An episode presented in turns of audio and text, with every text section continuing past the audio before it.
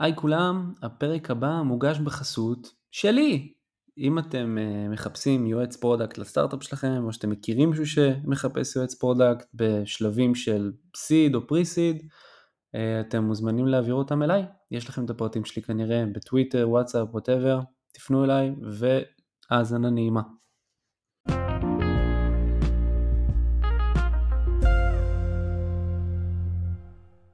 שלום, תודה רבה שחר, שאתה מצטרף אליי, תודה רבה רבה. תודה על ההזמנה. אמ, אז אה, כמו כפי, יופי, אני רואה גם שהצטרפו הרבה אנשים, אני אשמח בשאלה הקלאסית שלי, אה, ספר לנו קצת על עצמך, מי שלא מכיר. אה, בכיף, תגיד לי מתי זה מתחיל להיות לא רלוונטי. אני בן 49, נשוי להייסקול סוויטארט שלי, עם ארבעה ילדים, חמישה חתולים ולברדורית אחת. מגניב מאוד. ו- וברמה המקצועית? אז uh, התחלתי את הדרך כתוכניתן בצבא, הייתי שם שש שנים. אחר כך עשיתי שלושה סטארט-אפים גב לגב 17 שנה, ארוכות, שתמצתתי למשפט אחד. מכרנו אחד לקרן גידור, את השני ל-VMware ואת השלישי ל Computer Associates. ובעשר שנים האחרונות אני משקיע בקרן הון סיכון, כרגע בקרן שהיא בבעלותי, יחד עם שלושה שותפים, אנחנו מנהלים שם 800 וקצת מיליון דולר. שזו TLV Partners. נכון, כרגע אנחנו משקיעים מהקרן הרביעית שלנו, ב-TLV Partners. מגניב מאוד. אה, אתה יכול קצת אה, לתת פוקוס על, על ההתחלה בתור VC? אה, על התקופה שהחלטת, שאתה אמרת וואלה אני רוצה להיות משקיע? אז אה, כמו הרבה דברים בקריירה שלי זה לא היה מתוכנן בשום צורה.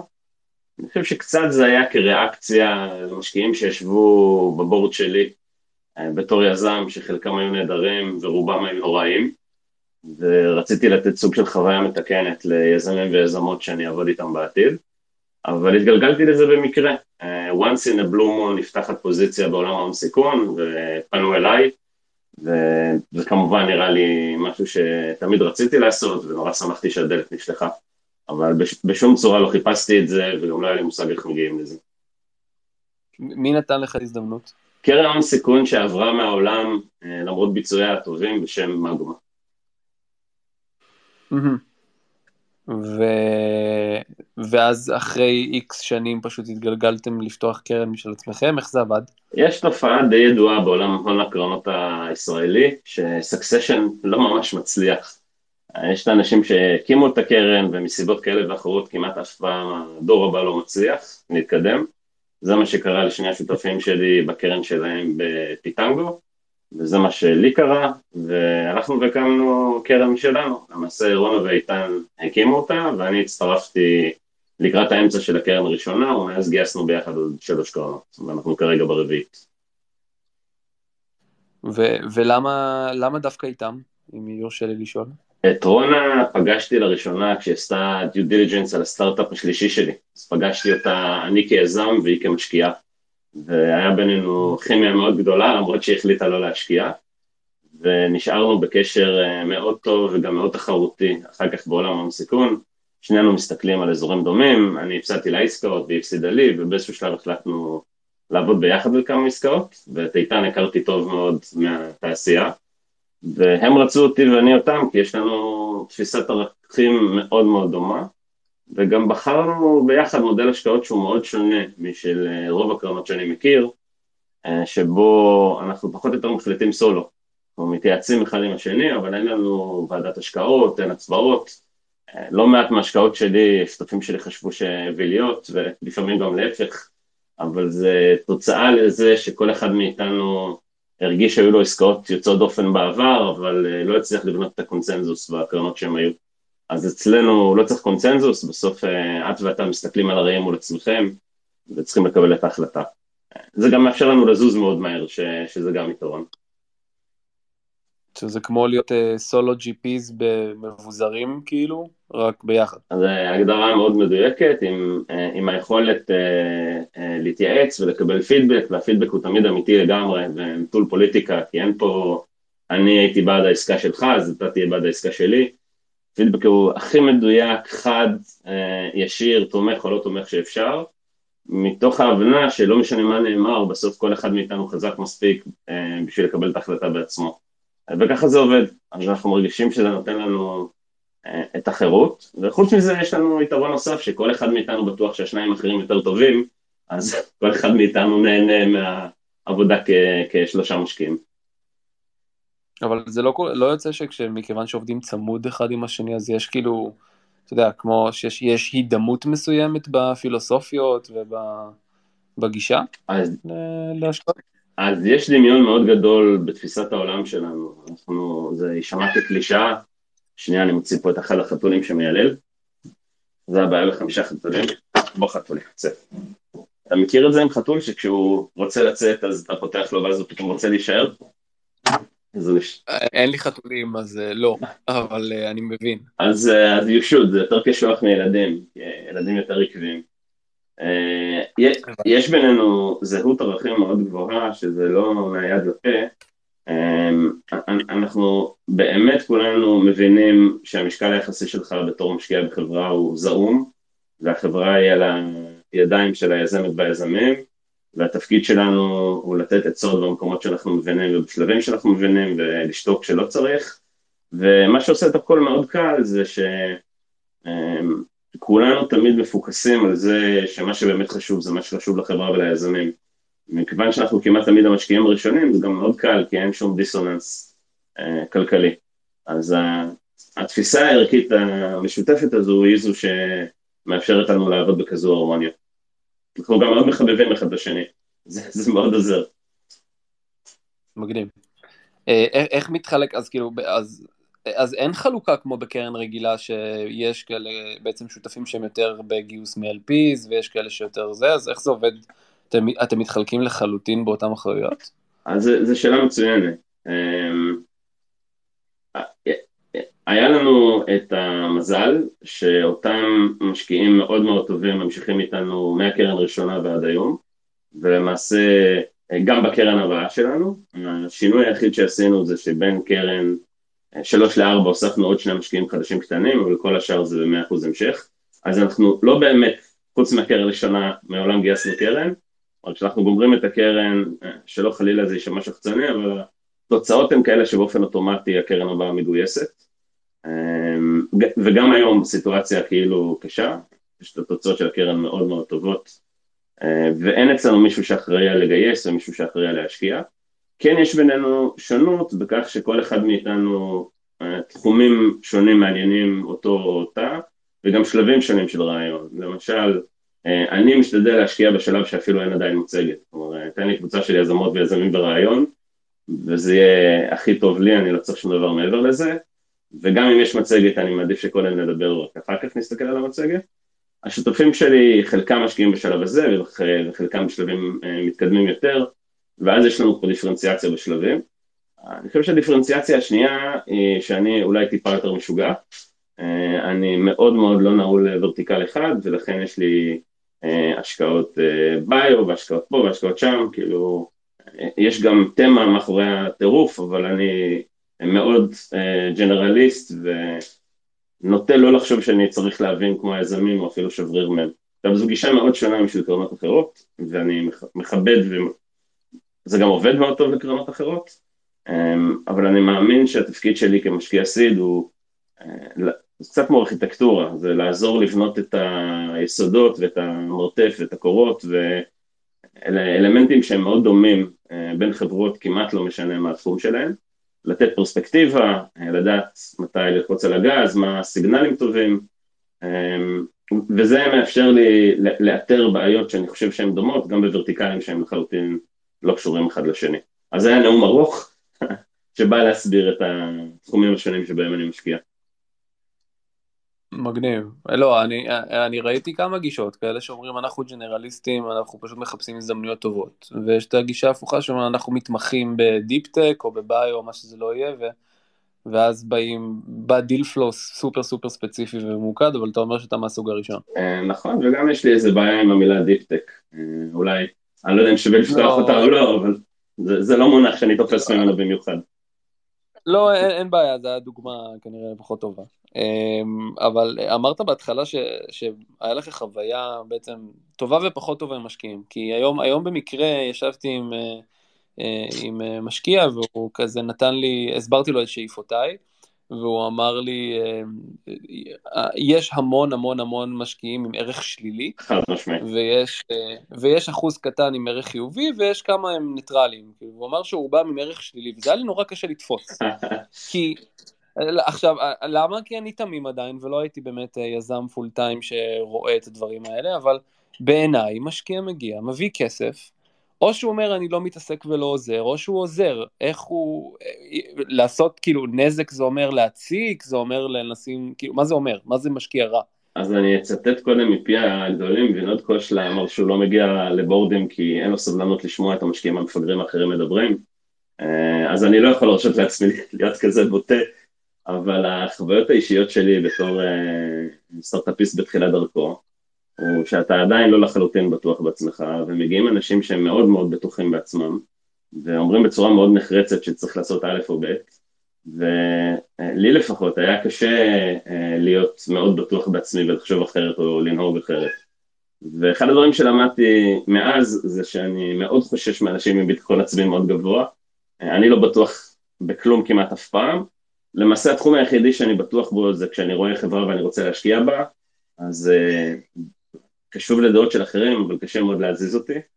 כמעט בכל הדברים האחרים, המשפטים שלי מסתיימים בסימני שאלה. ו... ובדברים שאני לא מבין בהם כלום, הם פשוט לא נאמרים.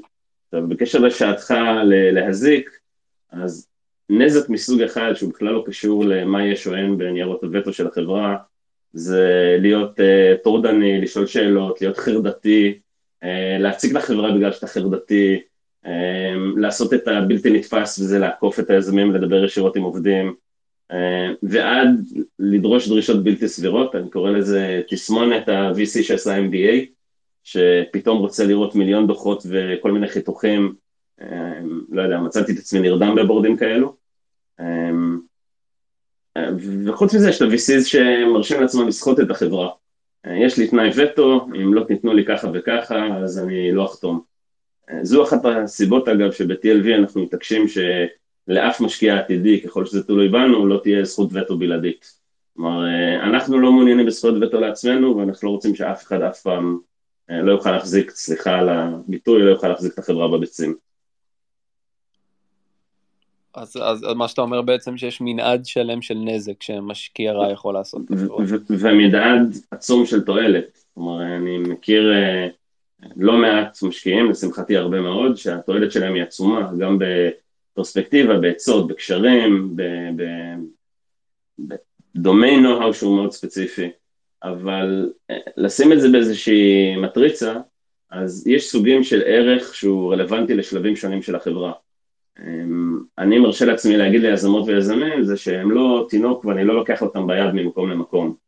הפונקציית מטרה שלי היא לא לפתוח להם access ל-50 לקוחות אה, או להגדיר להם את המוצר. הפונקציית מטרה שלי היא לעזור להם איך לבנות את החברה הנכון ואת מי לגייס מתי ומה הסיגנלים המאוד טובים לזה שאנחנו בכיוון הנכון. אה, יש סוגים של עזרה שקרנות אחרות גדולות יותר או שעובדות בצורה אחרת ייתנו בשלבים שונים של החיים של החברה. כלומר היכולת אה, לקחת חברה ולהציג אותה ישירות מול ה... CIO של בנק אוף אמריקה, אני לא יודע לעשות את זה, אבל גם חברה בת שנה לא צריכה את זה, היא צריכה ללמוד איך עושים את מודל המכירה. אז, אה, אז כן, יש המון סוגים של עזרה, שאת חלקם אני בכלל לא מתיימר או חולם שאי פעם אני אוכל לתת, אבל גם החברה לא צריכה אותם בשלבים שאני מגיע. אה, אני אוסיף עוד דבר אחד, אה, חרבות מחשלים דרך אש, והרבה דפיקות פטישים, ואני חושב שזה קריטי ליזמות ויזמים בתחילת הדרך, לעבור את החישול הזה בעצמם, ולא שינסעו אותם ממקום למקום.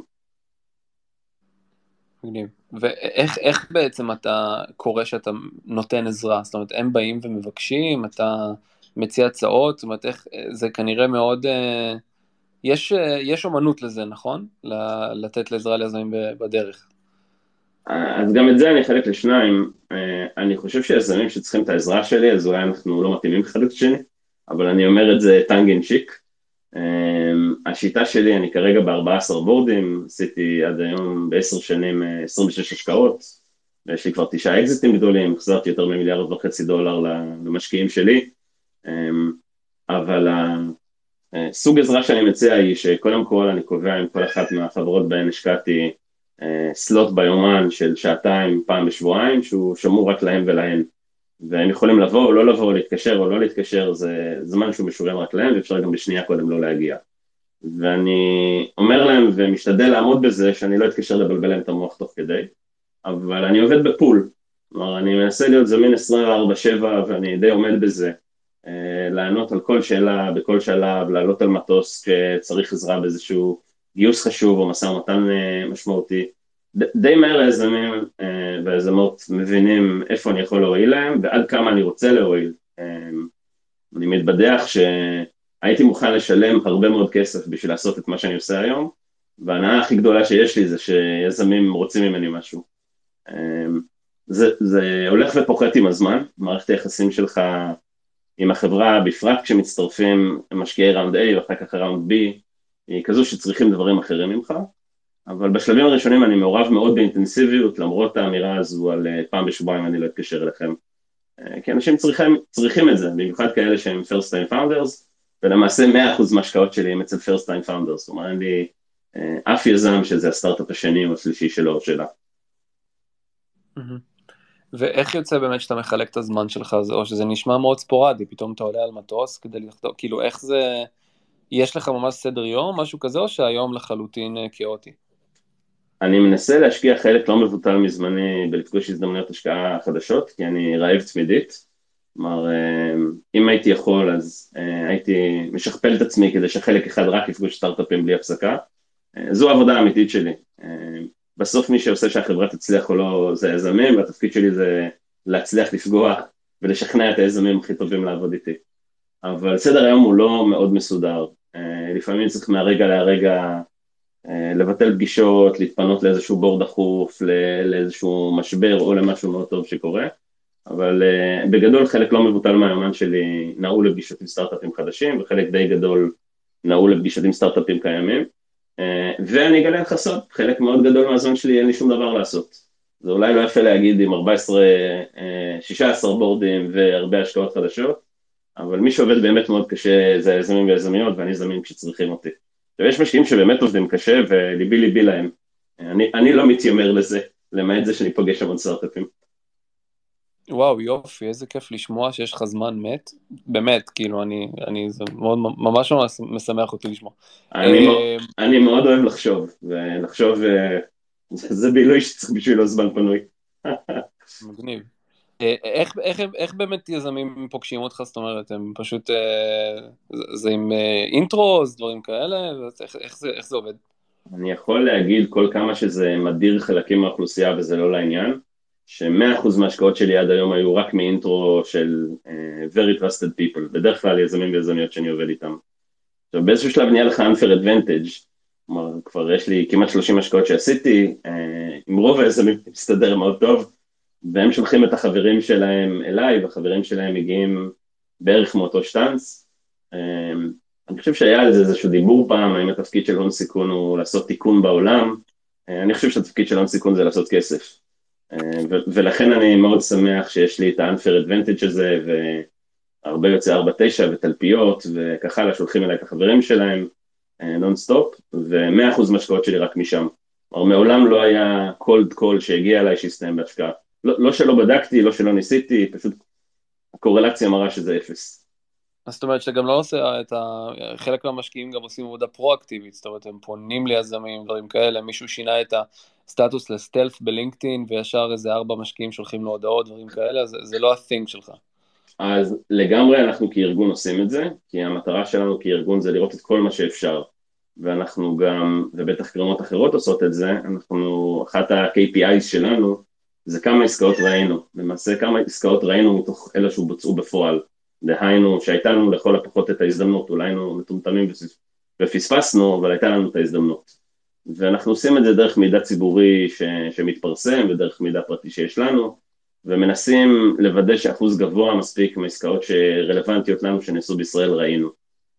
וכן, יש לנו חלקים די משמעותיים מהצוות שהתפקיד שלהם הוא לעזור גם לזה.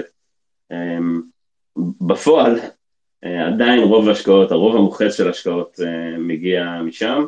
מתוך כל ההשקעות שאני עשיתי עד היום, שתיים הגיעו לא דרך חברים ישירות, אלא דרך חברים של חברים שהגענו להם הלאה, אה, באמצעות אה, A שינינו את הפרופיל סטלף, אבל, אבל מיד היה בינינו one degree of separation. כלומר, הם הכירו אותי ואני אותם, אה, ורק רצינו להבין למה, למה לא נעשה אינטרו ישירות. אבל אנחנו לגמרי גם עובדים בלייצר קשר עם כל מי שאפשר, ומנסים לא להיות אסולס כשאנחנו עושים את זה. מגניב, ולמה לדעתך הם עושים לך את האינטרודקשנס, כאילו איך, איך הם מציגים אותך, כי מה שאני יודע על עולם ההשקעות זה שהם מאוד קשה אמ, להתייחד ולייצר איזשהו בידול מסוים, אז אני כבר מבין שהבידול הראשוני שדיברנו עליו, אז אל תהיה משקיע עם ערך שלילי, שזה כבר עושה אותך כזה מיוחד, אבל אמ, איך מציגים אותך? זאת אומרת, למה לפגוש את שחר? אז אני לא חושב שזה עושה אותי מיוחד, נגיד לפני עשר שנים, אם לא היית אסול, אז כבר היית באחוזון העליון, כי כמות המשקיעים עם השתן בראש הייתה מאוד גדולה. אה, היום זה לא ככה, כולם אומרים שהם פאונדר פרנדלי ואחוז לא מבוטל הוא אכן כזה. אה, למה מפנים דווקא אליי? זה עניין של היכרות. אה, מישהו שאני עובד איתו כבר שלוש, ארבע, חמש שנים ויודע שהייתי לצידו נאמן, אמרתי דברים קשים כשצריך, אבל דאגתי שיהיה ברור שההחלטות הן רק שלהם תמיד, יגיד לחברים ולחברות שלו, תקשיבו, כדאי לכם לראות את שחר. הוא ודאי לא יגיד כדאי לכם לראות רק את שחר, הוא יפנה אה, לעוד קרנות טובות שהוא, הנה החתול יצא, לחתול הג'ינג'י הוא הכי מעניין. אה, אז הם ודאי יפנו לעוד קרנות, ואחד הדברים הנוספים שקורה זה שככל שיזמים הם כבר לא ב seed אלא ב round A וב round B, הם פוגשים עוד משקיעים טובים שהם עובדים איתם, ולכן הם יפנו חברים שלהם גם אליהם. אז אני לא חושב שאני יחיד סגולה ומפנים רק אליי, אבל לשמחתי מפנים גם אליי, והייתי רוצה להאמין שהסיבה שמפנים אליי זה כי הם חושבים שאני משקיע, משקיע seed טוב, אמ, שזה אוסף של characteristics אה, לא מבוטל. אני אגיד עוד דבר, בלי שחלילה זה יישמע נורא, אבל אה, ככל שאתה מצליח יותר, אז אנשים מייחסים לך חלק מההצלחה וזה קשקוש. מי שמצליח זה היזמים, אבל האאורה הזאת של ההצלחה מושכת אליך עוד יזמים טובים. אמ, אז, אז יש לי את המזל שהרבה יזמים טובים מגיעים אליי. מגניב, כאילו הרשת מולידה, מזינה את הרשת. כן, האקזיטים מולידים עוד יזמים טובים, והרשת שחושבת עליך דברים טובים, שולחת עליך עוד יזמים. אמ, אני גם מכיר יזמים מאוד טובים שיודעים ללכת ולהגיד על משקיע פלוני, אל תתקרבו אליו, או על קרן, קרן אלמונית, אל תתקרבו אליה. אבל זה באקסטרים. אה, כל השאר זזים על משרעת. אמ, אותי מאוד משמח לקבל אינטרו מיזם או יזמת שאני עובד איתם, ולשמחתי זה קורה הרבה מאוד. וכשזה לא קורה, אני שואל אותם למה. ו- ומה, והגיעו לך יזמים, איך אתה יודע להעריך מה זו עסקה טובה ומה זו עסקה רעה למשל? אני בכוונה אומר עסקה, כי אני יודע שזה הרבה מעבר לתכונות של יזמים וכולי, זה כאילו, יש כאן כמה אלמנטים, נכון? מתי אתה נכנס, מה השווי עסקה, דברים כאלה.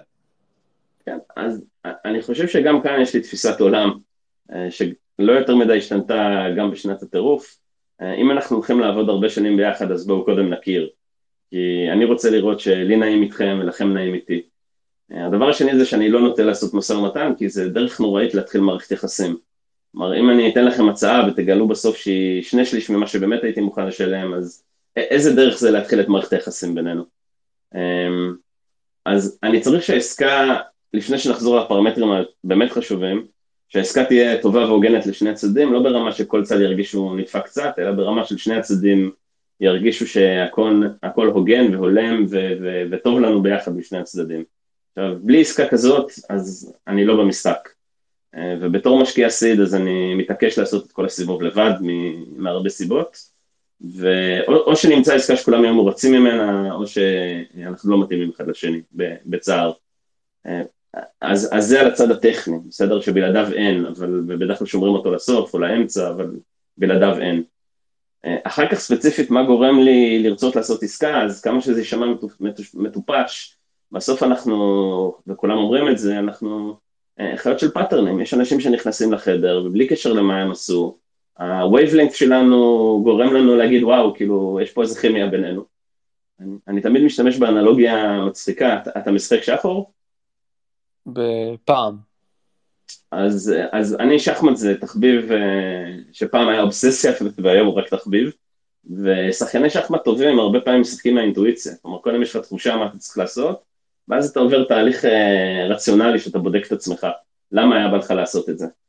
אז, אה, אז, אז השקעות זה במיוחד בסיד, במיוחד כשזה רק רעיון, במיוחד כשזה אפילו לפני מצגת, אה, זה קודם כל תחושה של עם האנשים האלה אני רוצה לעבוד, ואז אתה מנסה לתקף לעצמך הלאה.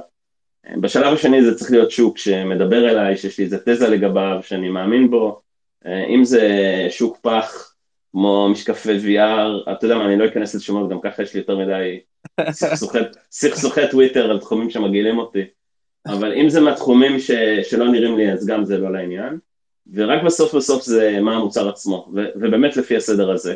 כי ממילא המוצר יזוז קצת ימינה וקצת שמאלה, ונבין לאורך הדרך לאן הוא צריך ללכת, אז אנשים שממש בא לי לעבוד איתם, לאו דווקא בגלל רקע של מה הם למדו או מה הם עשו, אלא מי הם כבני אדם, ואחר כך השוק ובסוף המוצר.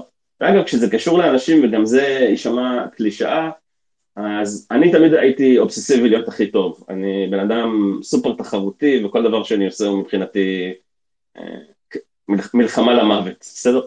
אה, היזמים שאני מנסה לעבוד איתם הם אולי לא עד כדי כך אובססיביים, אבל אנשים לא פתאום נהיים מאוד טובים. כלומר, אנשים שהיה להם את הרעב הפנימי הזה, להיות הכי טובים שהם יכולים, להיות הכי הישגיים, אה, להצליח, להתבלט, זה מגיע תמיד מאיזה בעיה נפשית, לא ממקום טוב, ואני מחפש לעבוד רק עם אנשים כאלה, שהם לא יכולים אלא להצליח, הם לא יכולים לדמיין עולם שבו הם, הם ייכשלו, או לא יעשו כל מה שהם יכולים בשביל להצליח. וגם זה משהו שרואים בקלות ו- ומרגישים אחד על השני. מגניב. ואני יודע, ש... אני יודע שזה נשמע קיצוני, אני יודע שזה נשמע רע וקיצוני, אה, לא מדברים על כמה עזרה נפשית יזמים צריכים, והם צריכים, אני, אני יודע על עצמי, על הדיכאונות שהייתי צריך להתמודד איתם בתור יזם, ואני מדבר על זה עם יזמים שאני עובד איתם, אז זה הצד השני של המטבע, של האובססיה של אה, להצליח בכל מחיר. ויזמים צריכים עזרה ותמיכה ופרספקטיבה גם בזה, ולהבין שהם לא לבד. אבל סליחה, קטעתי אותך אור. לא, אתה יכול, אתה יכול פשוט לשים פוסטרים מחוץ, ל... מחוץ לפסיכולוגים ופסיכולוגיות, אתה פשוט תשלש את הדרך. אה, מצוין, שלום מאוד. תודה, חיכיתי לזה. אז מה, מה האתגרים שאתה רואה היום? זאת אומרת, אני יודע שהיום שוק חלש, עליית ריביות, כאילו... כל מי שאני מכיר ומדבר איתו, בין אם זה יזמים, עובדים, מה שזה לא יהיה, כולם די בצקצוק לשון שלא כיף. איך אתם מגיבים לזה? אז קודם אני אדבר בשם עצמי ואז בשם הקרן. אני שומר על consistency ות של משהו כמו בין שלוש לארבע השקעות בשנה, מהרגע שהתחלתי להיות בהון סיכון. אה, זה לא השתנה בשנות ה-hype, זה לא משתנה בקורונה, זה לא ישתנה עכשיו. אה, למעשה, היום ממש, אה, עשינו wiring לעסקה האחרונה שהיה לי את המזל לעשות, וגם היה לא פשוט ולשמחתי הם בחרו בי. אני מתכוון להמשיך להשקיע באותו קצב בדיוק. קל לי כי אני משקיע סיד, ולכן ההשקעות שאני עושה ממילא יצטרכו את הסיבוב הבא עוד שנה וחצי, שנתיים, ואני אופטימי שהמציאות תשתפר. וגם אם היא לא תשתפר, אני שומר מספיק כסף לחברות, כדי שבמידה ונרגיש שזה נכון לנו, אז אני אוכל להיות שם ולתמוך בהם עוד ראונד אחד בלי משתתף חיצוני. אה, לגבי חברות שצריכות לגייס את ראונד A וראונד B, אז זה מלחיץ. אה, היה לנו בקרן את המזל ואחוז מאוד גדול, אני, אני לא אגיד שכל כי זה היה מזל, ואחוז גדול מאוד בחברות שלנו ממומן לשלוש שנים בצפונה, אה, והמעט חברות שלא ממומנות לשם, אז היזמים והיזמיות בלחץ ואני בלחץ ומנסים לעזור להם, וזה קשה מאוד מאוד מאוד עכשיו. רוב המשקיעים לא של הסיד לגמרי בבונקר. לעומת זאת משקיעי הסיד רבע בבונקר, הרבה אומרים, היי, זו הזדמנות נהדרת, במשברים קורים דברים טובים, ועדיין רוב המשקיעים שאני מכיר לא משקיעים גם בסיד, אבל נשאר מספר לא מבוטל של משקיעי סיד שממשיכים להשקיע, עם הקלישאות או בלי הקלישאות. ועניינית, אגב, אני חושב שמי שקופץ למים היום, אז הוא עשוי מחומר טוב. היה מישהו שביקש ממני לשאול מה דעתך על סידים גדולים של 6-8 מיליון דולר, כמו הסידים שראינו ב-21, והיום מי שרוצה לגייס סיד, לכמה, לכמה זמן הוא צריך להסתכל קדימה, האם זה עדיין 18 חודשים או שזה השתנה? אז, אז גם שאלה ממש מעניינת, כי יש פה הבדל בין uh, תפיסת עולמי ובין מה שקורה בפועל. Uh, חלק מההשקעות הכי הכי טובות שעשיתי, uh, אני לא אנקוב שמות כדי לא להעליב את השאר, זה היה צ'קים של 2 ו-3 מיליון דולר. ואלה חברות שהיום שוות uh, במקרה הרע מאות מיליוני דולרים, ולא מעט, מעט מהן כבר שוות מיליארדי דולרים, אבל על אמת, כי הן מוכרות בעשרות מיליוני דולרים. והצ'קים היו מאוד קטנים, והתזה מאחורי זה היא, היא כפולה. אה, אחד, לי בתור איש עסקים יותר קל לסכן פחות כסף, כי ממילא אני בטח אתן הרבה. ושתיים, זה מייצר DNA בריא לחברה. אה, אתה יותר חד מחשבה, אתה יותר ברור מה היעדים הבאמת קריטיים שצריך להשיג ומהר, ולא משנה כמה אנשים יגידו שהם דיסציפלין, אז כשיש להם שמונה מיליון דולר בקופה, רובם יהיו פחות דיסציפלין מכאלה שיש להם שני מיליון דולר בקופה, וזה עלול לייצר DNA לא טוב. אה, עם זאת, גם בגלל התקופה שחייבה אותי בסיטואציות מסוימות לשלם צ'קים יותר גדולים כי אלה שתי עסקאות שלא הייתי מוכן שלא לעשות וגם בגלל המצב הנוכחי שבו אני מניח שאני צריך להשקיע בחברה ככה שיהיה להם מספיק כסף לפחות לשנתיים ועדיף לשלוש אז אני נוטה לרשום צ'קים משמעותית יותר גדולים ממה שעשיתי בעבר אה, ומאידך מבלה יותר זמן עם היזמיות והיזמים כך שהם יעשו כל מאמץ להתנהל כאילו שהם גייסו מעט. אגב, תמיד אומרים לי שאני מדבר מהר מדי, אם אתה מרגיש ככה תגיד ואני אנסה להאט את הקצב. לא, אני לא, אני לא חש את זה. אמ, שאלה. אה, שאלה, כן. כן. לא, אם אתה רוצה להמשיך, תמשיך בכבוד. השאלה השנייה הייתה כמה כסף לגייס עכשיו. אז uh, התשובה הקצרה זה מה שאפשר. הבנתי, זאת אומרת זה לא משנה, כמה שיותר בעצם, basically. אני חושב שכמה שיותר עיין ערך האמירה הקודמת שלי, לרוב היזמים רוב הזמן יהיה הרסני. לא לכולם, ולא, אבל לא תמיד, אבל לרוב היזמים רוב הזמן זה יהיה הרסני. במציאות הנוכחית שצריך לנחש שיש שנתיים קשה לגייס את הסיבוב הבא, לא יודע, אולי זה לא נכון, אז עדיף שיהיה יותר כסף וגם להיות מאוד יעילים באיך מוציאים אותו ומאוד קמצנים. אבל כשאמרתי מה, מה שאפשר התכוונתי למשהו אחר, אתה מצליח לגייס מהקרן הנכונה ומהשותף או השותפה הנכונים, אה, גודל הצ'ק פחות משנה. אם ילך טוב ילך טוב, אם ילך רע ילך רע, אם ילך טוב הקרן תתמוך לך גם אם גייסת פחות. כלומר, הפונקציית אופטימיזציה צריכה להיות ל... לא גייסתי מקרן פח ולא גייסתי ממשקיע או משקיעה שיהיה לי גועל נפש איתם, ואם זה מיליון או יותר או מיליון פחות אנחנו נסתדר. ה-scrappiness הזה של אנחנו נסתדר, זו תכונה שהיא כל כך קורלטיבית להצלחה. אבל אם אפשר לגייס יותר, תגייסו יותר, אתה יודע, אף אחד לא מת מזה שהיה לו עובר משאב יותר גדול. עם כל מה שאמרתי על אה, בעיות DNA פוטנציאליות. אמרת מקודם גם שאתם, אה, שאתה משקיע לבד, ואתה מתעקש על להשקיע לבד, יש, מה, מה הסיבה? כי אני מכיר כזה כל מיני סינדיקטים וקרנות שאומרות, טוב בוא נכניס ככה את ה...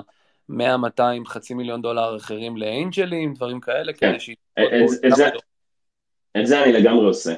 אה, יש רשימה, ואני לא אעשה name dropping, אבל של כמה עשרות אנג'לים שאני חושב שיש להם ערך מטורף גם ב-introduction למשקיעים שלהם וגם בעצות קונקרטיות פרקטיות וגם הם היו שם ואני ממליץ בחום מאוד מאוד מאוד להשאיר להם מקום, לא, לא מקום מטורף אבל, אבל מקום. הכוונה שלי היא לא להשקיע עם עוד גוף שירצה חתיכה משמעותית מהחברה וגם ירצה לתת עצות והשיקול הוא כפול. קודם כל אני בעולם של לעשות כסף. אה, ב-seed הדבר היחידי שאני קונה זה סיכון, אז אם אני לא מקבל מספיק אחוזים איך זה יכול להצליח? כלומר, שלוש קרנות שכל אחת מהן מחזיקה עשרה אחוז ב-day one, שזה יותר מדי שיזמים נתנו, ובוודאות הם ידללו לפחות שלוש פעמים עד האקזיט, כלומר הם יגיעו לאקזיט עם שלושה אחוז, והתזה המטופשת שישראל מייצרת 100 יוניקורן זה הרי קשקוש. אה, ישראל תמיד ייצרה שלושה בשנה ותמשיך לייצר שלושה בשנה, ו- ורוב הליקווידיטי איבנטס לא היו כאלו. אז אני לא מאמין כלכלית שקרן יכולה להצליח אם היא חולקת יותר מדי אחוזים ב-day one. אה, הסיבה השנייה שאני אוהב להשקיע לבד, זה כי פשוט לא אכפת לי מדעות של אחרים. אני לא צריך שום אישור של אף קרן אחרת, אני לא צריך שאם זה ייכשל אני אגיד כן, אבל גם ההוא עשה את אותה טעות כמוני, אני, אני לא אידיוט לבד. לא אכפת לי להיות אידיוט לבד, ואני מעדיף להיות חכם לבד, ו- ואני לא מחפש שום סיגנל מאף אחד, להפך, הרבה מהשקעות המאוד מאוד מאוד טובות שלי, לא היה אף אחד אחר שרצה לגעת בהם. אה, והסיבה האחרונה והלא פחות חשובה, כי, כי עד עכשיו דיברנו רק על סיבות שהן טובות לי, זה שאני חושב שיותר מדי דעות ב... שחלקן גם סותרות בשלבים מוקדמים הן לא טובות, ושחלק מאוד גדול מהמחויבות שלי ליזמת וליזם זה אינדוקטרינציה על איך עובדים עם המשקיעים הבאים. שתפיסת המציאות של זאת החברה שלי, תודה רבה על העצות, היא, היא תהיה שמורה. אה, ובינינו, אה, האחריות היחידה שבאמת יש לבורד אה, זה לפטר את המנכ"ל או המנכ"לית. לאשר את התקציב זה גם מאוד חשוב, אבל כאן זה עניין של שיח שנעשה מאחורי הקלעים, אבל, אבל זו האחריות האמיתית היחידה שיש וההשפעה היחידית האמיתה שיש לבורד, ולשמחתי עד היום לא נתקלתי בזה. אמ, אבל, אבל דעות חזקות שמגיעות מוקדם מדי לפני שהיזמת והיזם מבינים שהחברה היא 100% שלהם והצלחה היא 100% עליהם, אה, תפגע באינדוקטרינציה שאני מנסה לייצר. וגם זו עוד סיבה למה אני מתעקש להשקיע לבד. אז זה גם סיבות הכי אנוכיות קפיטליסטיות, אני רוצה להחזיק חתיכה מאוד מאוד גדולה מהחברה ולא גדולה מדי אה, בשלב הראשון, אה, ואני רוצה להיות היחיד שנותן לחברה עצות בתור קרן, ואני מזמין אנג'לים מאוד טובים שהיזמים והיזמיות מכירים, אני גם מציג להם אה, אנשים שעברו איתי באש, כלומר ראיתי איך מתנהגים כשקשה, אה, שהצטרפו בתור אנג'לים, שהם עוזרים מכמה כיוונים שונים. Mm. אז התשובה הקצרה זה לבד כי אני רוצה את האקוויטי ועם אנג'לים כדי שיהיה עוד מישהו שעוזר. אה, מדבר קצת על, על, על מספרים, זאת אומרת, מה ממוצע צ'ק שאתם שמים פחות או יותר, ו... מה האחוז שאתם לוקחים בשלב הזה? אני משתדל מאוד מאוד מאוד, אני לא תמיד מצליח, לקחת 25 אחוז. Uh, לפעמים אני לוקח uh, טיפה יותר, לפעמים אין לי ברירה ואני לוקח טיפה פחות, אבל, uh, אבל זה המספר שאני מכוון אליו, ויזמים ויזמיות שפונים אליי יודעים שזה המספר. זה אולי אירוני, אבל גודל הצ'ק לא משפיע על האחוזים. כלומר, אם זה יהיה מיליון דולר או חמישה מיליון דולר, אני אצפה לקבל את אותם אחוזים. ואפשר גם להסביר למה זה עובד ככה, אבל, אבל ככה זה עובד. לגבי גודל הצ'ק שאנחנו רושמים, אז ככל שגדלנו כקרן, אנחנו גם יכולים להתחייב ליזמים שנהיה איתם לא רק בסיד אלא בראונד A וחלקם אולי נצליח לשמור על חלקנו בהשקעה גם בראונד B. ואנחנו רושמים צ'קים מצ'קים של 2 מיליון דולר עד צ'קים של 7 מיליון דולר. זה, זה תלוי גם בשלב, הגודל של הצ'ק של חברה שמגייסת ראונד A או ראונד B מה שאני לא עושה, אבל השותפים שלי כן, הוא גדול יותר מגודל הצ'ק שחברה מצפה וצריכה לקבל בסיד, ואני עושה רק השקעות בשלב ה-seed, אז הצ'קים שלי יותר נמוכים, אבל ה-flip side זה שאני יכול לשמור יותר כסף לחברה לסבבי המשך. Mm, אבל בסוף, באירוע ליקווידציה לרוב אתה נשאר עם כמה אחוזים פחות או יותר, אם אפשר לשאול, כאילו אחרי כל הדילולים ו-pro-rata וה-follow-up investments וכל הדברים האלה. אה, זה, זה תלוי בכל כך הרבה פרמטרים, זה כמו שאי אפשר באמת לדעת כמה אופציות שוות לעובדים, כל כמה שזה נורא קשה באמת באמת להעריך את זה. אני, אני למשל לא יודע להעריך כמה מניות שלי באמת שוות. אז, אז, אז, אז אדרבה לעובדים להעריך את האופציות זה בלתי אפשרי, לא משנה כמה טילי טילים כתבו על זה בטוויטר. Uh, ההנחה הסבירה היא שאני עדולה לשליש uh, ממה שהתחלתי איתו, וזה. לחברה שמאוד הצליחה, המשיכה הרבה מאוד שנים וגייסה הרבה כסף. יש גם אירועים לשני הצדדים, טובים ורעים, אחד מהם זה שיזמים בשלב יחסית מוקדם אומרים בואנה אנחנו מחזיקים מלא מהחברה, הציעו לנו איזשהו אקווי הייר, אנחנו ניקח את הכסף, נהיה מאוד עשירים ולא נבנה פה חברה באמת. ואז החזקתי עדיין המון אחוזים, אבל זו השקעה שאולי עדיף היה שלא הייתי עושה, כי, כי לא, לא יצא לי מזה כלום. וזה פרסונה של יזמים שאולי הייתי צריך לזהות קודם. ואגב, מצד שני יש נסיבות שבאמת זה הדבר הנכון לעשות, לא, לא בגלל שהגיעה איזושהי הצעה מהר. אבל יזמים אמיתיים ויזמיות אמיתיות לא שם בשביל לעשות גרוש וחצי, הם, הם שם כי בוער בהם צורך לפתור בעיה ולשנות את העולם. אה, אז זה סוג אחד. הסוג השני שהוא טוב, זה שלחברה הולך מדהים, היא גייסה מעט כסף והיה לה אקזיט יחסית מהיר ומאוד גדול. ואז אני מחזיק שם עדיין הרבה מאוד אחוזים, ו- ואלה מסוג ההשקעות שהם fund makers. כלומר, אה, עדיין רוב האחוזים שלי הם שם, והאקזיט הוא מאוד משמעותי, הוא מאוד טוב לחברה וליזמים ולעובדים, והוא פנטסטי עבורי. וגם זה קורה, אה, לא הרבה, אבל קורה. הבנתי. אמ, אבל בגדול מה האסטרטגיות כדי לשמר את כמות ה-equity שלך בחברה, או שזה לא, או שזה לא המטרה בכלל? אז יש שני סוגים של קרנות, אחת שאני לא מבין לגמרי, שעושות spray and pray, אמורות אה, בוא נשים המון צ'קים קטנים, נחזיק קצת בכל חברה, ואולי משהו אה, יהיה fund maker מטורף, יהיה לא יודע, הגדול הבא, ה-Alibaba הגדול הבא, וזה יחזיר לנו את כל השאר. אנחנו קרן מאוד concentrated, כלומר כל קרן שלנו, אנחנו עם ארבע קרנות, עם 56 השקעות עד כה, כל קרן שלנו תעשה בסביבות 15 השקעות. ואנחנו משתדלים להיות במצב שאנחנו נוכל את ה-seed ואת ה-A לכל הפחות לעשות. גודל הקרן כמעט לעולם לא יאפשר לנו לעשות גם את ה-B, אלא אולי להשתתף בו כדי להגן על חלק מהפרורטה שלנו, אבל משם אנחנו הולכים ומדללים בקצב. כן יש לנו גם קרן אופורטיוניטי שלא נועדה להשקיע בחברות אחרות, אלא אחרי שהחברה עוברת איזשהו שלב, אנחנו יכולים להשתמש בה כדי להמשיך ולהשקיע שוב בחברה. אבל גם אז זה מוגדר בצורה שמונעת כל uh, ניגוד עניינים אפילו לכאורי. Uh, אנחנו יכולים להשתמש בה רק כשהחברה מוכרת מעל X וכשמישהו אחר מוביל את הסיבוב ושמעל מיליוני דולרים מגיעים מבחוץ, אבל נגיד בסביבות round C של חלק מהחברות אנחנו יכולים לרצות לעצמנו שוב להצטרף למשחק ההשקעה ולהשתמש ב-pro-rata שלנו. אבל בגדול אנחנו שחקני uh, seed A וקצת B. Mm-hmm.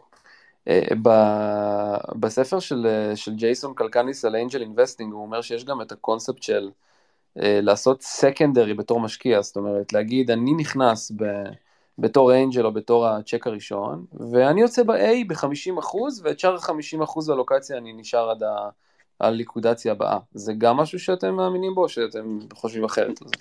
נשאר, דהיינו מוכר את המניות שלי בסיבוב הבא? אה, מוכר 50% מהם בסבב A, זאת אומרת, כדי לראות איזשהו החזר. אני חושב מה... שזה התאים בשתי נסיבות, כאילו, וזה עבד נהדר לכמה קרנות בינלאומיות וגם ישראליות. אה, בשיא הבועה, כשגם למשקיעים היה ברור שהחברות וגם ליזמים היה ברור שהחברות מגייסות בשווי שהוא מופרע לחלוטין, אז היו קרנות שהלכו ומכרו את המניות שלהם כי המשקיעים החדשים רצו בכל מחיר לקנות, ועשו ים של כסף, עשו לעצמם סקנדרי אה, כשעדיין בכלל לא ברור אם החברה תצליח או לא. אה, לא המודל של TLV, אה, אנחנו משקיעים to stay there a very very very long time, החברה שאני נמצא בה הכי הרבה זמן, אני נמצא בה כבר עשר שנים, מיומה הראשון, לא האסטרטגיה שלנו. חשבתי שאתה הולך לשאול על משהו אחר, על הקרנות ששיחדו יזמים ויזמיות ושילמו להם בסקנדרי רק כדי שייתנו להם להיכנס לסבב השקעה, אז אני חושב שזה משהו שקצת יחלוף מהעולם עכשיו. אני כן חושב שסקנדרי זה, זה כלי סופר משמעותי וסופר חשוב, לא הגיוני שהריסק יהיה רק על היזמים והיזמיות, אבל זה צריך להיות אה, בשלב הנכון בחיי החברה ובגודל צ'ק שהוא הגיוני, כדי שהיזמים לא יתחרפנו, אלא רק יהיה להם אה, את השקט הנפשי הכלכלי למנוע מהם למכור את החברה מוקדם מדי. יש מכניזם סדור והגיוני שנבנה במשך שנות דור על איך, מתי ולמה עושים סקנדרי, ואני יוזם את זה בחברות בהן אני מעורב. אמ, אבל כן, היה פה איזשהו חולי שכבר בסיד שילמו ליזמים עשרות מיליוני דולרים, וכל מיני דברים ששמעתי והזדעזעתי. אה, לשמחתי לא ראיתי מקרוב. מגניב. Uh, טוב, אני מתחיל uh, לשאול שאלות מהקהל, כי אנחנו אותו ב... uh, בישורת האחרונה, אז יש לי כבר כמה בקומנטים, וחבר'ה, אם אתם רוצים... אם אתם רוצים לעלות ולשאול שאלות, רק תבקשו להיות ספיקר, אבל אתם יכולים גם לכתוב קומנטים למטה ואני אקרא את הכל. אז שאלה... כן, ולי יש עוד בקשה, אם דיברתי מהר מדי, תכתבו את זה בקומנטים או תגידו את זה בעל פה. בסדר, מקסימום בהקלטה שישמעו אותך על חצי איקס. אה, מעולה. מתי שחר יהיה מוכן לקחת את הכסף של מנורה על ידי אורן? או, איזה חמוד. טוב, הוא נשמה טהורה. אני אמרתי לו את זה בפניו, אני אגיד את זה טוב, אה, מנורה ברי מזל שהוא חלק מהם. אה, מעולה. אה, האם קרה לו שהוא חשב שפאונדר צריך לזוז מכיסא המנכ"ל? אם לא. כן, הוא דילבר את זה לפאונדר, והאם בעיניו... לא, לא, לא, לא, לא, קרה. לא, לא קרה. אה, אם זה יקרה, אני אעדיף להתפטר מהבורד ולא להחליף מנכ"ל. אין, אין חיה כזאת אצלי. החברה של היזם, אין דבר כזה להזיז את היזם הצידה. אתה יודע, אולי היזמים יחליטו את זה בינם לבינם. יש חברה אחת שהשקעתי בה, שהיזמים בעצמם החליטו להחליף מנכ"ל, זו חברה ש... אה, רציתי להשקיע בה קודם, וכשהגיע אליי באיטרציה השנייה כן רציתי להשקיע בה, אבל אני בעצמי לעולם לא הייתי מציע להחליף מנכ"ל, הייתי מתפטר מהחברה קודם. מעניין. אה, רון, אתה רוצה לשאול שאלה? כן, בטח. אהלן שחר, תודה על הזמן והפתיחה. אהלן רון. אה, שתי שאלות. אחד, תודה לך. ציינת כמה פעמים על הסיגנלים הטובים שאתה יודע לזהות בשלב הסיד, אתה יכול אה, לשתף יותר איזה סיגנלים אתה מסתכל, והשאלה השנייה, בגלל החשיבות של הצוות, אם יש לך איזשהו framework שאתה משתמש ב... מעבר ל-word to mouth ששמעתי והפרופיל שאתה... אבל איזשהו משהו שהוא יותר מה-gut feeling הזה שדיברת כשחקן שחמט שמכניס לתבנית כדי לי, באמת להיות דיסציפלנד בהיבט הזה. אני אשמח לענות על זה וזו ממש שאלה טובה. אמ, אז קודם כל יש כללי אל תעשה, אני לעולם לא אשקיע בצוות שלא מכיר אחד את השני היטב, לעולם לעולם לעולם לא. אה, הסיבה מספר אחת שסטארט-אפים מתים זה כי נגמר להם הכסף, והסיבה השנייה זה כי היזמים רבו, או היזמיות. אני משקיע אה, רק בצוותים שמכירים אחד את השני מאוד טוב ועברו דרך אש, או ביזם יזמת בודדת, יש לי ארבע השקעות כאלה אה, כרגע, שזה יזם יזמת בודדת. אה, אז זה כלל ראשון, רק אנשים שמכירים אחד את השני מאוד טוב, ואם יש פה יזמים פוטנציאליים על הקו, אני ממליץ לכם לעולם לא לצרף כיזם או יזמת מישהו שאתם לא מכירים טוב. אה, לא פסקני, בסדר, אני, הכל עם סימן שאלה, יש יוצאים מהכלל, ואנשים שיודעים לעבוד ביחד, אבל גם אלה עבדו מאוד טוב כדי לתקף את הקשר שלהם. אז זה שוב ברמה המאוד לוגית. הדבר השני שאני מחפש לא כסיגנל, זה פשוט שהבן אדם ימצא חן בעיניי. ש... שאני אגיד, אה, וואלה, הייתי רוצה להיות חבר שלו או שלה, זה הדבר השני. הדבר השלישי זה שאני מסתכל ויודע להגיד בכנות, אני יודע מי הכי מטומטם בחדר. זה, זה לא קשה, כי למרות שאני אה, לא, לא אידיוט, אה, מצליחים להיכנס אליי לחדר אנשים באמת באמת חריגים בכמה הם חכמים. אה, ומה לעשות, לחוכמה יוצאת דופן היא, היא לא הכרחית, אבל היא עוזרת מאוד ב, בהרבה בעיות. והדבר האחרון זה הסיגנלים הלא מדוברים. אז אני חושב שלכל אחד בעולם יש איזשהו כוח על שהוא מודע לו יותר או פחות, אה, אני חושב, שוב, זה יישמע נורא ויהיר, אבל אני חושב שאני יודע מאיפה זה בא, מהצורך להתמודד עם כל מיני מצוקות בחיים. אה, אני יודע לזהות יחסית מהר אנשים מוכשרים, אה, ומאוד בטוח בזה כשאני מזהה את זה. אני כן מקפיד לצאת איתם לדייטים ולא מחליט מהר מדי, ופוגש אותם לצהריים, ומנהל שיחות חולין על החיים בכלל כדי לראות שהתחושה הפנימית שלי היא מבוססת. אבל כן, זה מבוסס על התחושה הזאת שקשה לכמת אותה, אבל היא משהו שאני יודע שיש לי. אני חושב שזה הליבה של מה שמשקיע טוב בסיד צריך שיהיה לו, אבל אני הולך ובודק את זה. זו אחת הסיבות, אגב, שאני לא משקיע מהר מדי. אני רוצה להיות בטוח לפני מסע של הרבה שנים ביחד, שאתם קראתם אותי ואני קראתי אתכם מעבר לגת הראשון של שנינו. אגב, עוד טריק, אני מציע ליזמים ויזמיות שרוצים אה, לעבוד איתי, לבחור אקראית אה, שלושה, ארבעה, חמישה שמות מתוך היזמים שאני עובד איתם היום, פשוט להרים להם טלפון, שאני אתן להם את ה-contact info.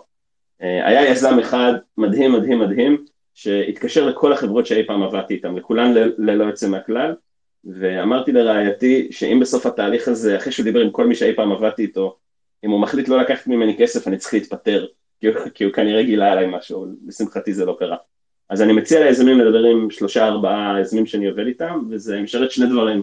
אה, הראשון הם לומדים אליי באופן בלתי אמצעי כי יזמים נוטים להיות מאוד ישרים עם יזמים אחרים.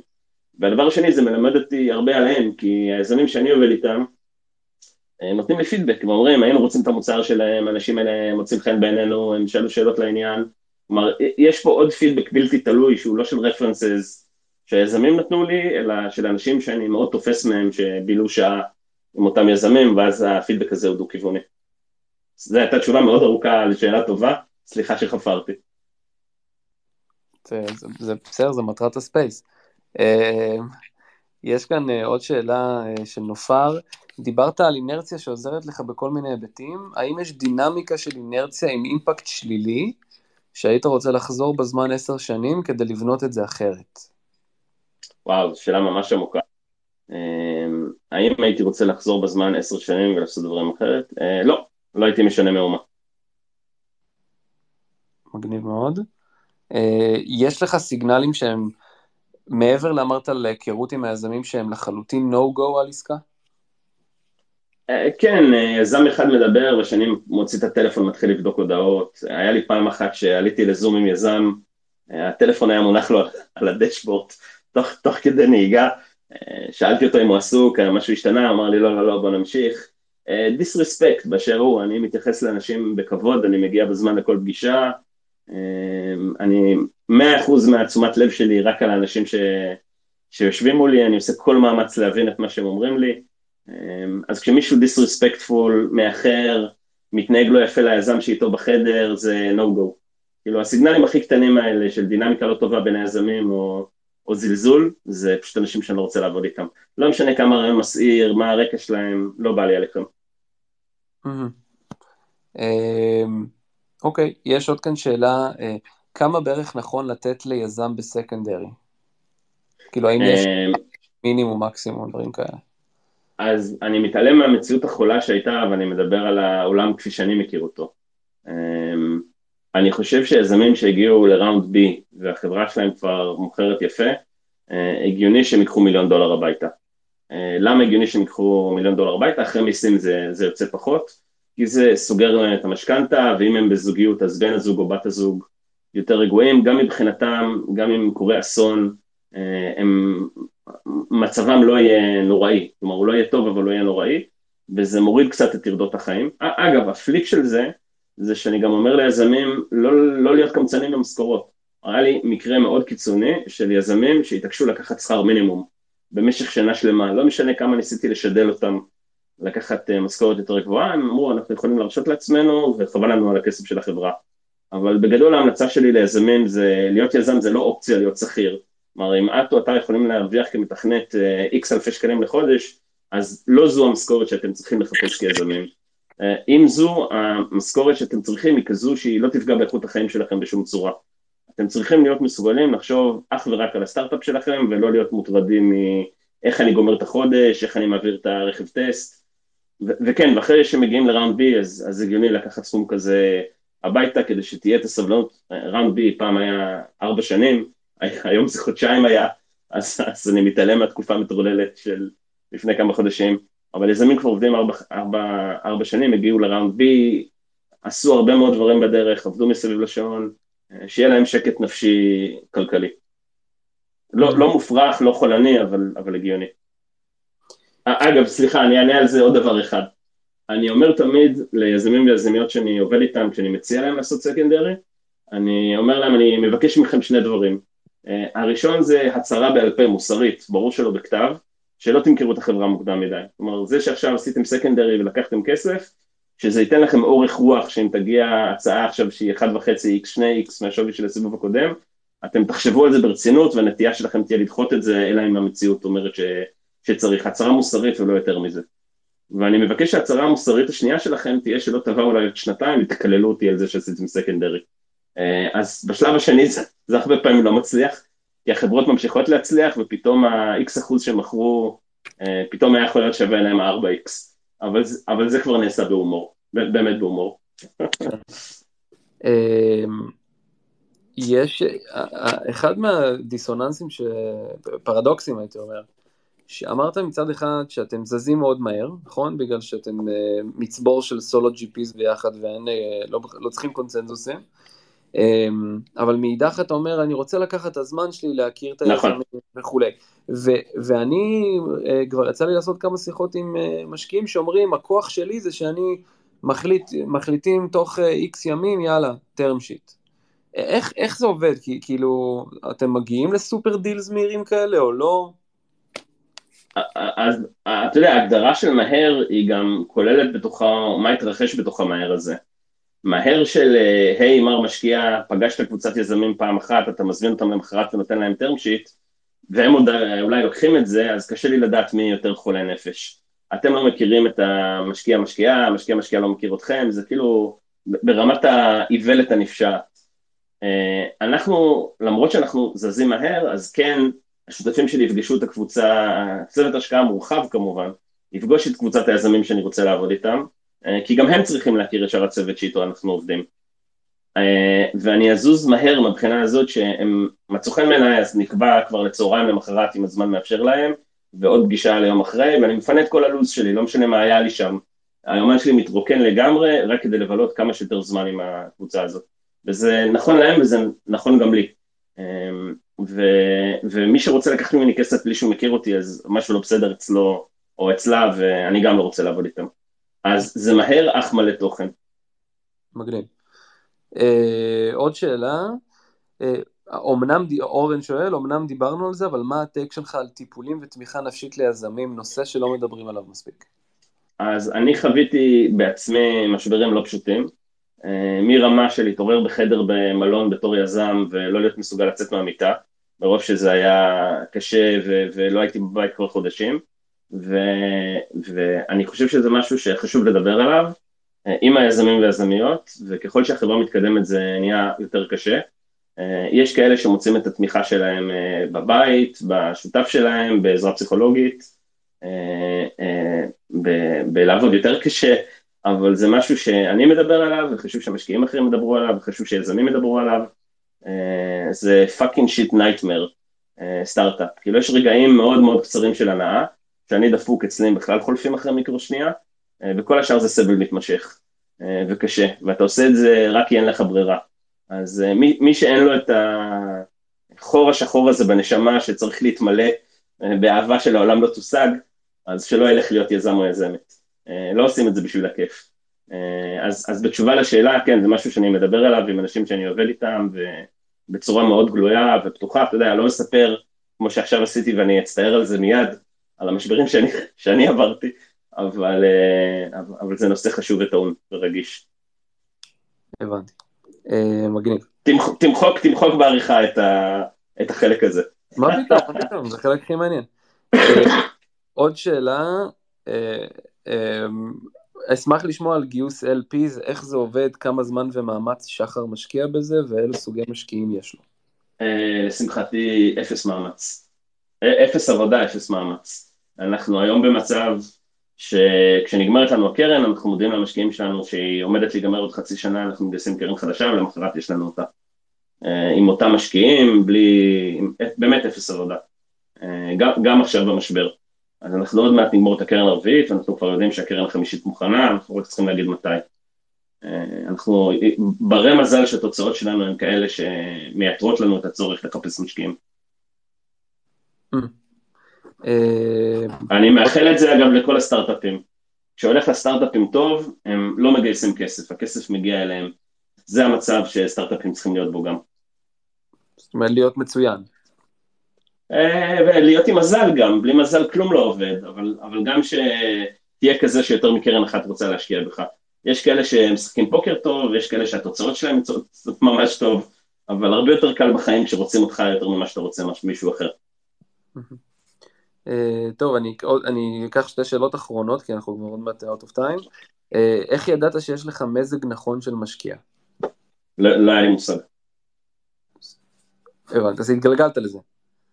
כן, לא תכננתי, uh, כשניתנה לי הזדמנות אמרתי לעצמי בואנה ייקח כמה שנים לדעת אם אני טוב בזה, הפידבק סייקל פה הוא, הוא מאוד ארוך, היום אני בטוח שאני טוב בזה, אתה יודע, כיף להיות בטוח בזה, שזה לא יישמע שחצני, זה בטח יישמע, אבל בחמש שנים הראשונות שלי במקצוע באמת לא היה לי מושג, לא עניין של מזג אלא של האם אני אהיה טוב בזה. ולגבי מזג, אני חושב שזה לא להיות אסול ולאהוב את האנשים שאתה עובד איתם ולהשקיע רק באנשים שאתה מרגיש שיש פוטנציאל שתאהב אותם. אה, אבל לוקח חמש שנים לדעת אם אתה, חמש שנים כמשקיע, לא כפונקציות אחרות בדרך, כדי לדעת אם אתה טוב בזה. אם אתה רע, אגב, מגלים הרבה קודם. כן. אה, וטוב, ושאלה אחרונה, על ידי כמה אנשים שואלים מה הם כל כך אהבו לשמוע אותך, שואלים איך להגיע אליך, למרות שההשקעות שלך נעשו באמת, אה, הכי טובות עד כה נעשו על ידי אינטרוז, איך מגיעים אליך גם אנשים שדווקא רוצים לפנות אליך דרך קולד? וואי, אז, אז כבר כאילו, וואו, שלא יצאתי אסול, כאילו אני אה, נוטה לדבר בחופשיות יתר ואחר כך להצטער, אז אני שמח שזה לא עבר רע. אה, האימייל שלי מופיע באתר, זה שחר S-H-A-H-A-R, אגב מי שכותב שחר אחרת אני מצטער, אני מכיר אחד, אה, את tlv.partners, אתם מוזמנים ביותר לשלוח אימייל והספאם פילטר שלנו קטלני, אז תנסו לכתוב איזה הדר הגיוני. ו- ואני מבטיח לחזור לכל מי שפונה אליי. מגניב מאוד. אה, שחר, תודה רבה רבה רבה רבה אה, על כל הזמן ועל הטיפים. אה, לי, לי זה היה ממש ממש מעניין. ולכל האנשים ששאלו שאלות גם תודה רבה לכם, ו- וזהו, נשתמע. תודה רבה על ההזמנה ותודה למי שטרח להקשיב. ביי לכולם, שיהיה לילה טוב. ביי.